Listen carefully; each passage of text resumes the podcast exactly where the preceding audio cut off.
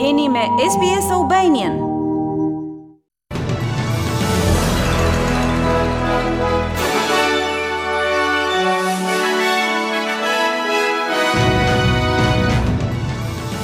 Në buletinin e sotëm informativ do të ndiqni Homazhet dhe ngushëllimet kanë ardhur nga e gjithë bota pas vdekjes së kriketistit australian Shane Warne.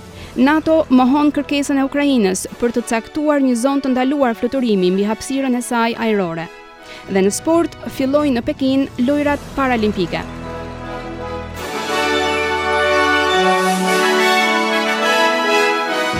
Dhe fillojmë më gjerësisht me lajmet. Sulmuesi i kriketit australian Shane Warne ka ndërruar jetë në Tajlandë në moshën pesëdhjetë e dy vjeçare nga një atak në zemër, teksa ishte në pushime me miqtë.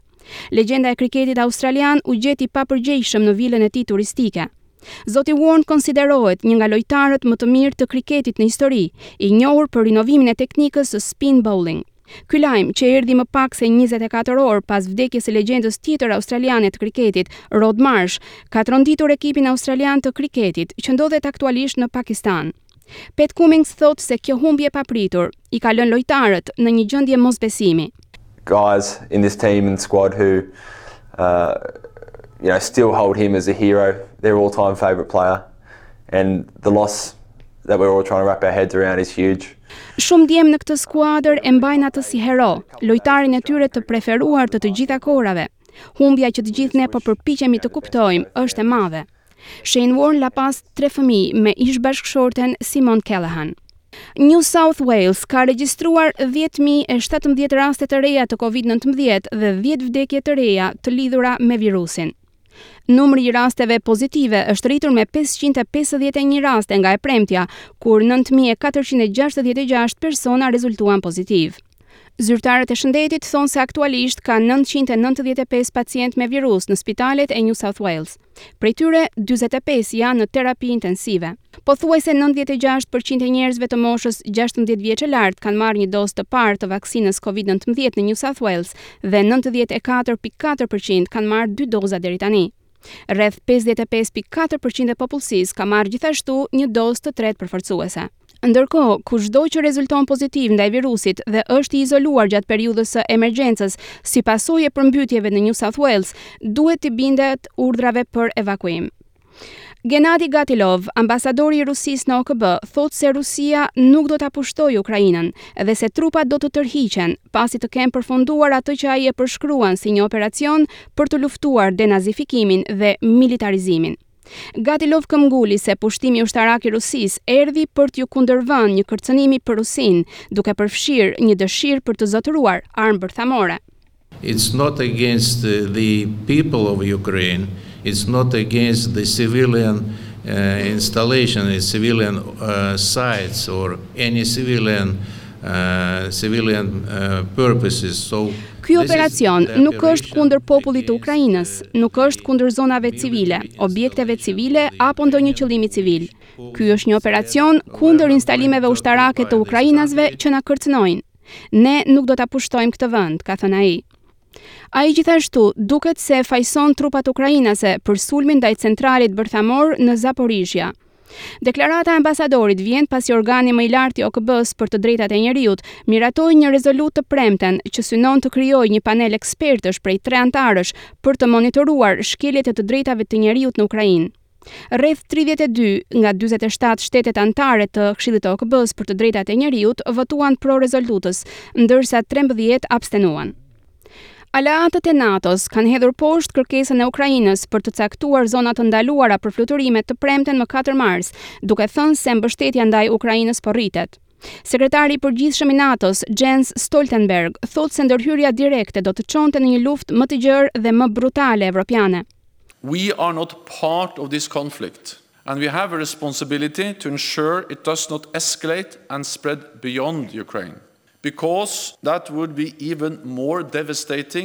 Ne nuk jemi pjesë e këtij konflikti dhe kemi përgjegjësinë të sigurojmë që ai të mos përshkallëzohet dhe të mos përhapet përtej Ukrainës, sepse kjo do të ishte edhe më shkatërruese dhe më e rrezikshme. Ne e kuptojmë dëshpërimin, por gjithashtu besojmë se nëse do ta bënim këtë, do të përfundonim në një luftë masive në Evropë, duke përfshirë shumë më tepër vende dhe duke shkaktuar shumë më tepër vuajtje. Presidenti ukrainas, Volodymyr Zelensky, u ka bërë thirrje fuqive perëndimore që të zbatojnë një zonë ndalim-fluturimi që nga fillimi i pushtimit të Moskës nëntë ditë më parë.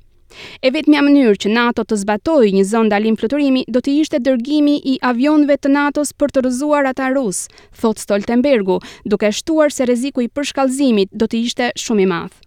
Anëtarët e NATO-s kanë dërguar armë në Ukrainë, por nuk janë përgjigjur me veprime ushtarake që do t'i vinin ata në konflikt të drejtpërdrejtë me Rusinë. I ashtuquajturi Grup i Shtetit Islamik ka marrë përgjegjësinë për sulmin vetëvrasës që ka vrarë rreth gjashtëdhjetë njerëz në një xhami në veriperëndim të Pakistanit. Qindra të tjerë u plagosën në sulmin më vdekjeprurës prej vitesh në Pakistan, thotë policia dhe ekipet e shpëtimit.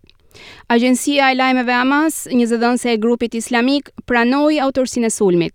Kjo agjenci shton se një luftëtar nga Shteti Islamik sulmoi xhaminë në qytetin Peshawar, pasi qëlloi dy policë pakistanezë që ruanin vendin, duke vrarë njërin dhe duke plagosur tjetrin. Agjencia tha se sulmuesi vetëvrasës i Shtetit Islamik, i identifikuar si Julaibib al-Kabli, shpërtheu një rip me eksploziv duke vrarë të paktën pesëdhjetë njerëz dhe duke plagosur më shumë se dyqind të tjerë.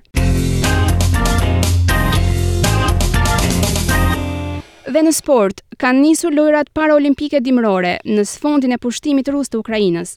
Ekipi ukrainas ka marshuar nën duartrokitjen e spektatorëve në ceremoninë e hapjes në Pekin, ku presidenti i Komitetit Ndërkombëtar Paralimpik, Andrew Parsons, bëri thirrje për paqe. Ekipi dhe stafi ukrainas prej pesëdhjetë e katër vetësh përfunduan një udhëtim të mundimshëm në lindje, ndërkohë që atletët rusë dhe bjellorusë u ndaluan nga lojërat. Ukraina përfaqësohet me njëzet atletë dhe nëntë guida gjatë lojërave në Pekin. Pa përmendur në mënyrë specifike Rusinë dhe Bjellorusinë, e cila ka mbështetur pushtimin, presidenti i Lojërave Paraolimpike Dimërore, Andrew Parsons, u ka bërë thirrje autoriteteve botërore të promovojnë paqen, duke iu referuar qartë konfliktit. I want, I must begin with a message of peace. Sonte më duhet të filloj me një mesazh paqeje. Si udhëheqës i një organizate që në thelb ka përfshirjen, ku festohet diversiteti dhe përqafohen dallimet, jam i tmerruar nga ajo që po ndodh në botë tani, ka thënë Parsons.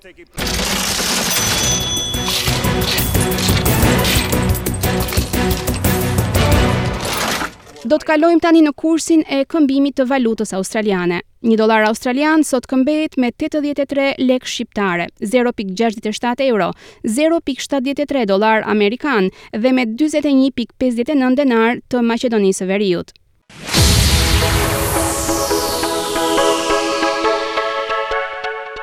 Dhe vazhdojmë me parashikimin e motit për ditën e sotme dhe të nesërme. Sot nëpër qytetet australiane u regjistruan këto temperatura, Sydney, njëzet, njëzet e tetë, Melbourne, nëntëmbëdhjetë, njëzet e një, Brisbane, njëzet e dy, tridhjetë e një, Perth, njëzet, tridhjetë e një, Adelaide, shtatëmbëdhjetë, njëzet e pesë, Canberra, katërmbëdhjetë, njëzet e pesë, Hobart, katërmbëdhjetë, njëzet e pesë, Darwin, njëzet e pesë, tridhjetë e katër gradë Celsius.